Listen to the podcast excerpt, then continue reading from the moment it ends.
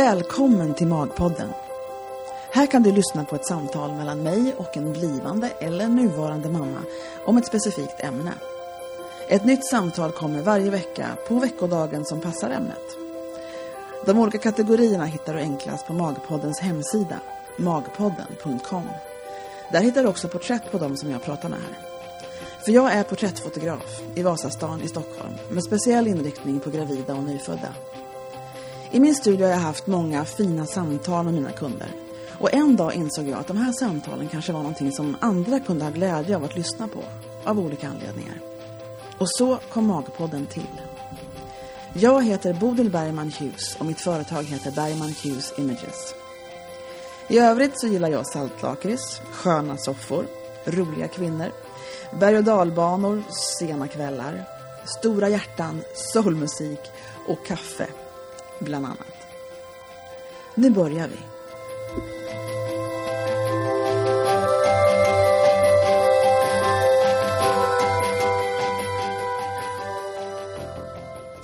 Välkommen hit Emelie, vi ska prata om amning du och jag. Hej! Hej! Och vi kom ju igång lite grann bara för en stund sedan för sen klickade jag på fel knapp och så försvann du. Så att vi, vi Ja. försöker igen. Och, och om jag ska ta en liten recap som förstås de som lyssnar inte förstår att jag, att de var inte med från början. Men, men grejen är den att du har varit hos mig med ditt andra barn nyligen. Ja. och, och jag vet ju att amning verkligen kan vara olika på olika barn så jag var ju lite int- intresserad av att höra av dig hur det var jämfört liksom första och andra barnet. Mm. Och jag blev så himla, titta här måste vi ta på, på liksom podden för att, för att du sa att det var annorlunda och då, då var det så här att början, om vi tar första barnet nu då, Hugo, så var det ju Ja. så att du tyckte det var det var grejer som var jobbiga med det på det sättet att du kände att det här vill jag inte göra om, jag vill ha det på ett annat sätt andra gången. Och då om vi då bara berättar, hur var det du upplevde att det var jobbigt första gången och hur kände du liksom innan du fick Hugo? Hur trodde du skulle bli kan man säga? Ja, nej men när jag fick Hugo så hade jag ju absolut ingen koll på bebisar överhuvudtaget. Eh, Jag hade ju hört att det kunde vara svårt det här med amningen och framförallt att bebisen inte får tag och att det kan bli sårigt och man kan få mjölkstockningar och det kanske inte rinner till och blåser och Oj, så hem, andningsnappar och ja men faktiskt. Och det kan jag väl ändå tycka är bra för att då är, är man ju beredd på att eh, det faktiskt kan bli tufft men att det också finns hjälp att få. Men jag måste Eh. fråga dig lite, lite bara flika in där. När du hörde alla de där skräckhistorierna om sår och, och Mm. blåsor och allt vad det var.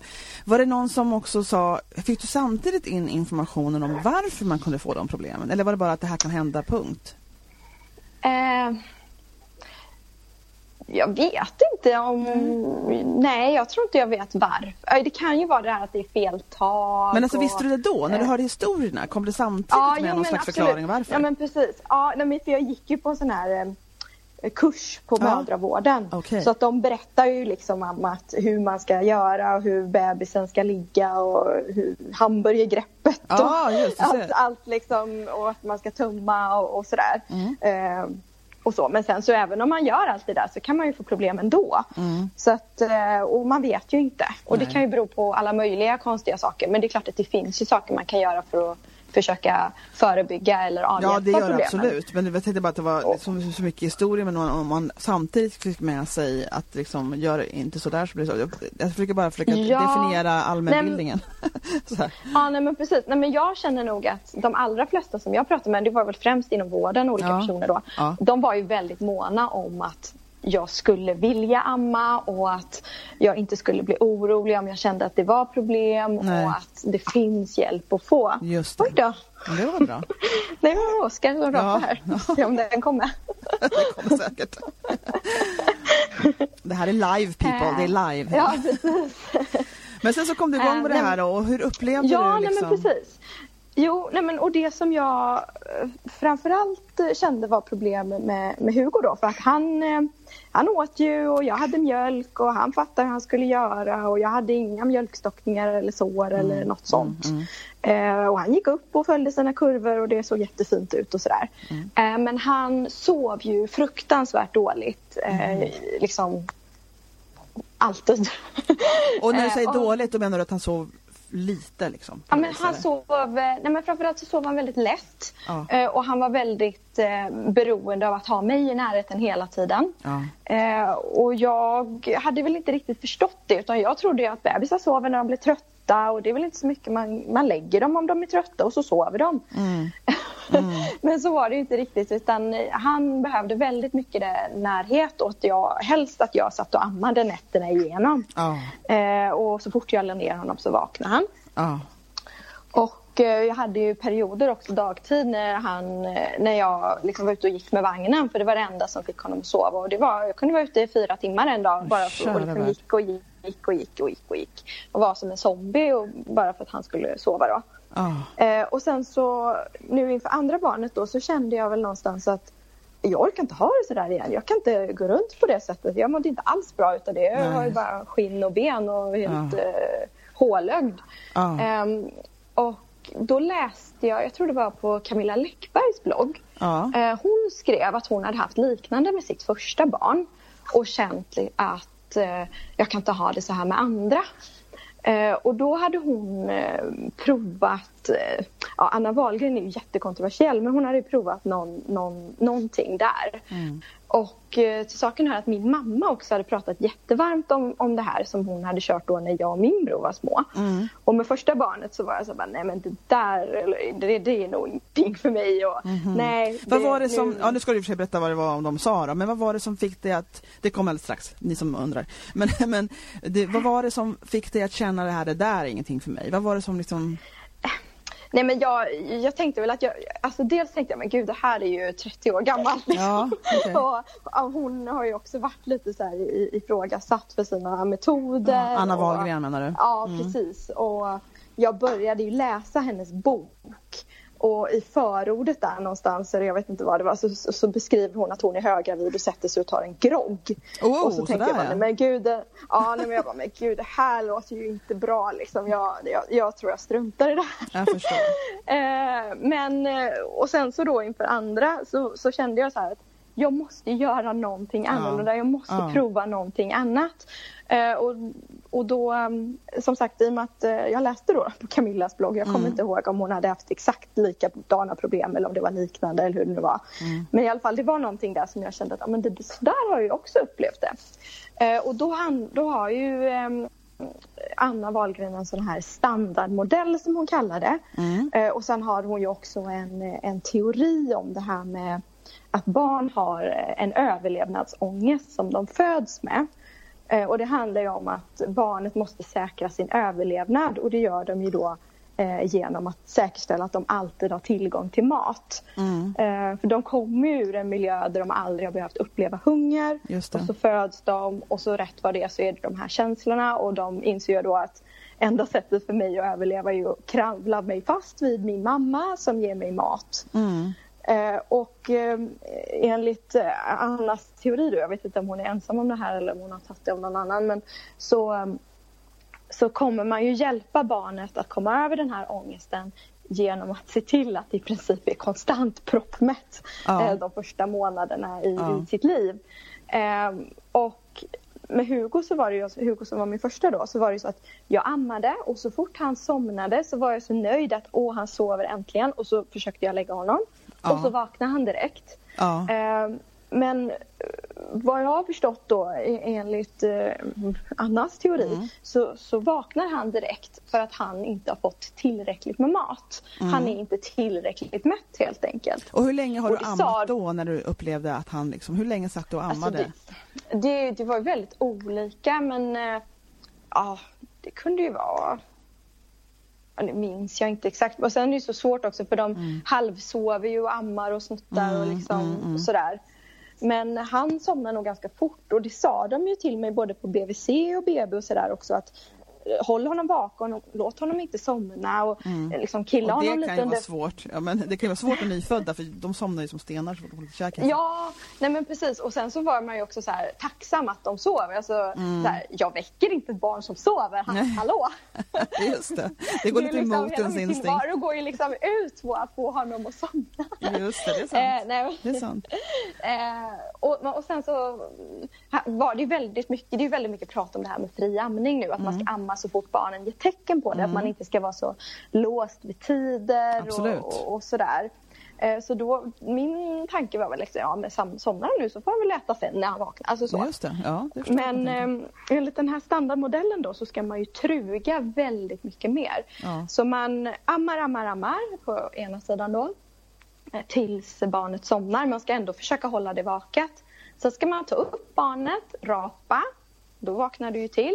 Fortsätta amma, amma, amma. På samma bröst, eller hur? Mm. Ja, precis. Och sen eh, när det är klart, även om barnet har somnat, så ska man ta upp det. Eh, liksom byta blöja, sköta, alltså tvätta kanske. Och sen beroende på hur gammalt barnet är då, är det helt nyfött så kan man gå på och börja amma på nästa sida. Eh, och då kallar hon det det här, eh, jag kan ha missat något steg här, jag kommer inte riktigt ihåg. Eh, då kallar hon det för så här insomningsslurken för Ja. då ger man ju då från ett helt, eh, för vad ska man säga, fullt bröst. Mm, ja, just det. Och, och då, ja just det, hon kallar den så här knockout-slurken tror jag. Okej. Pre- precis. Och precis, så då är det två, först två gånger på ena sidan och sen en gång på andra sidan. Och ibland så har jag till och med liksom tagit upp rapat och fortsatt på andra sidan. Och det här gör ju liksom att, säg att jag ammade liksom mellan eh, 10 minuter och en halvtimme med Hugo innan han sov och liksom jag la ner honom. Så Ja. kunde ju hela den här proceduren med Oskar då ta en och en halv till två timmar. Alltså man Ja. ammar mycket, mycket, mycket, mycket mer. Ja. Och sen då när han väl liksom har somnat efter hela den här proceduren Ja. så har han ju sovit som en sten. Ja. Och hur länge verkligen. sover han då? då? Alltså det är jätteolika. Nu när han var bebis då kunde han ju sova Alltså, vi hade ju nätter när han sov 6-7 timmar på, st- Mm. på, liksom, i sträck. Eh, och, och liksom dagtid 2-3, ibland 4 timmar. Liksom. Mm. Men inte när de var Och sen- nyfödda men sen han blev lite större. Eller hur funkar det när han var helt nyfödd? Kommer du ihåg det? Det är När han var nu. helt nyfödd. Jo, men nu ska vi se här. Ja, men då sov han ju jättemycket. Men då var det ju alltså. Då kanske han.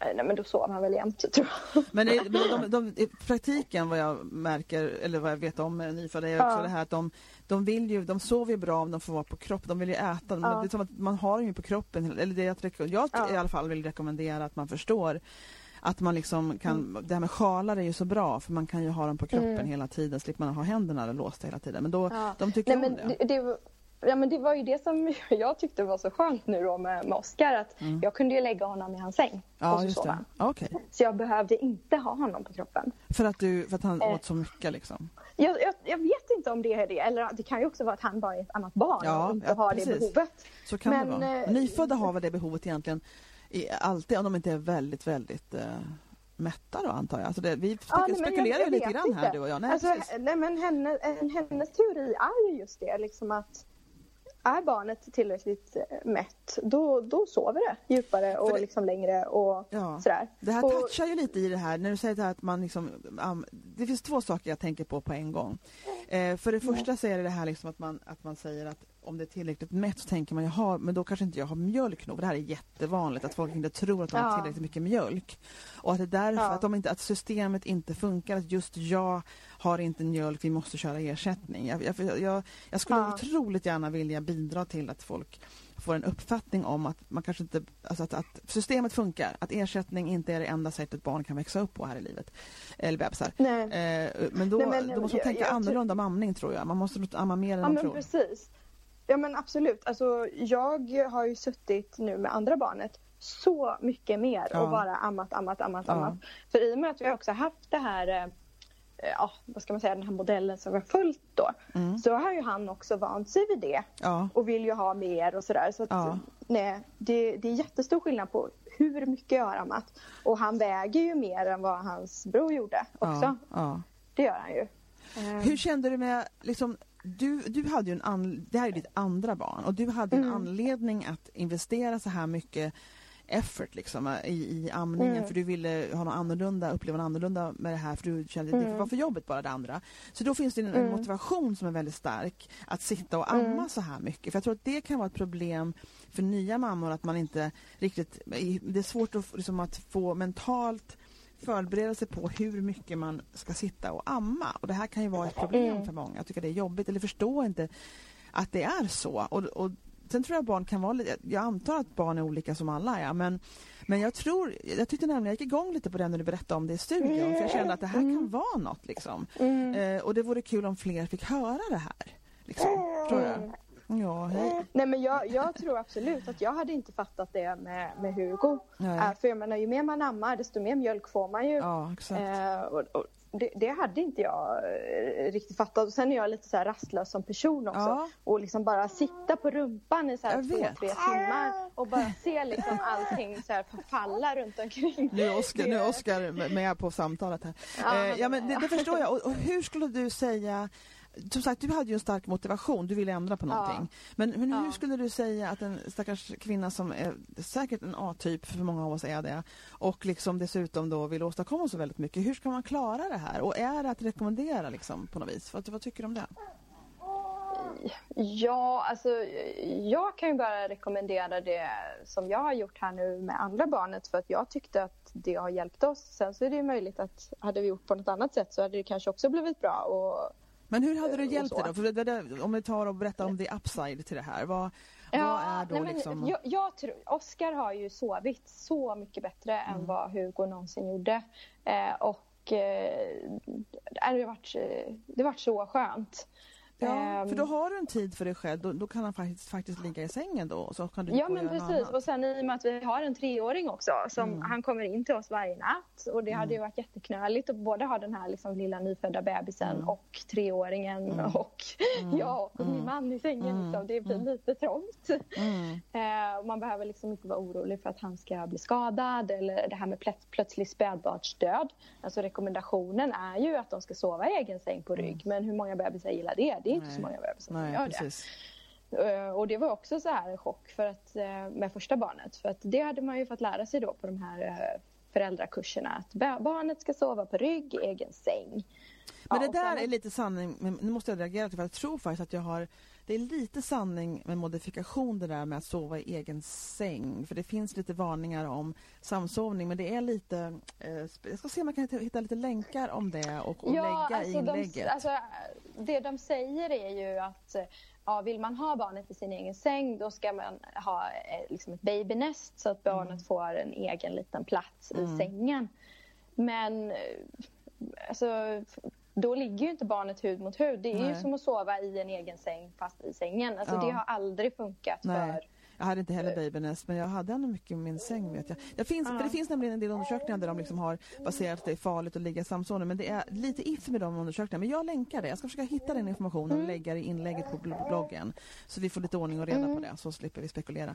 Men, eh, men vad bra. Men, men då kände du att det, det liksom räddade nätterna lite grann och du kände du att du fick tid? Ja, alltså, och även dagarna. Ja. För att eh, jag menar, eh, Hugo var ju tre år då när han fick en lillebror och det Ja. var ju jättemycket svartsjuka där i början. Ja.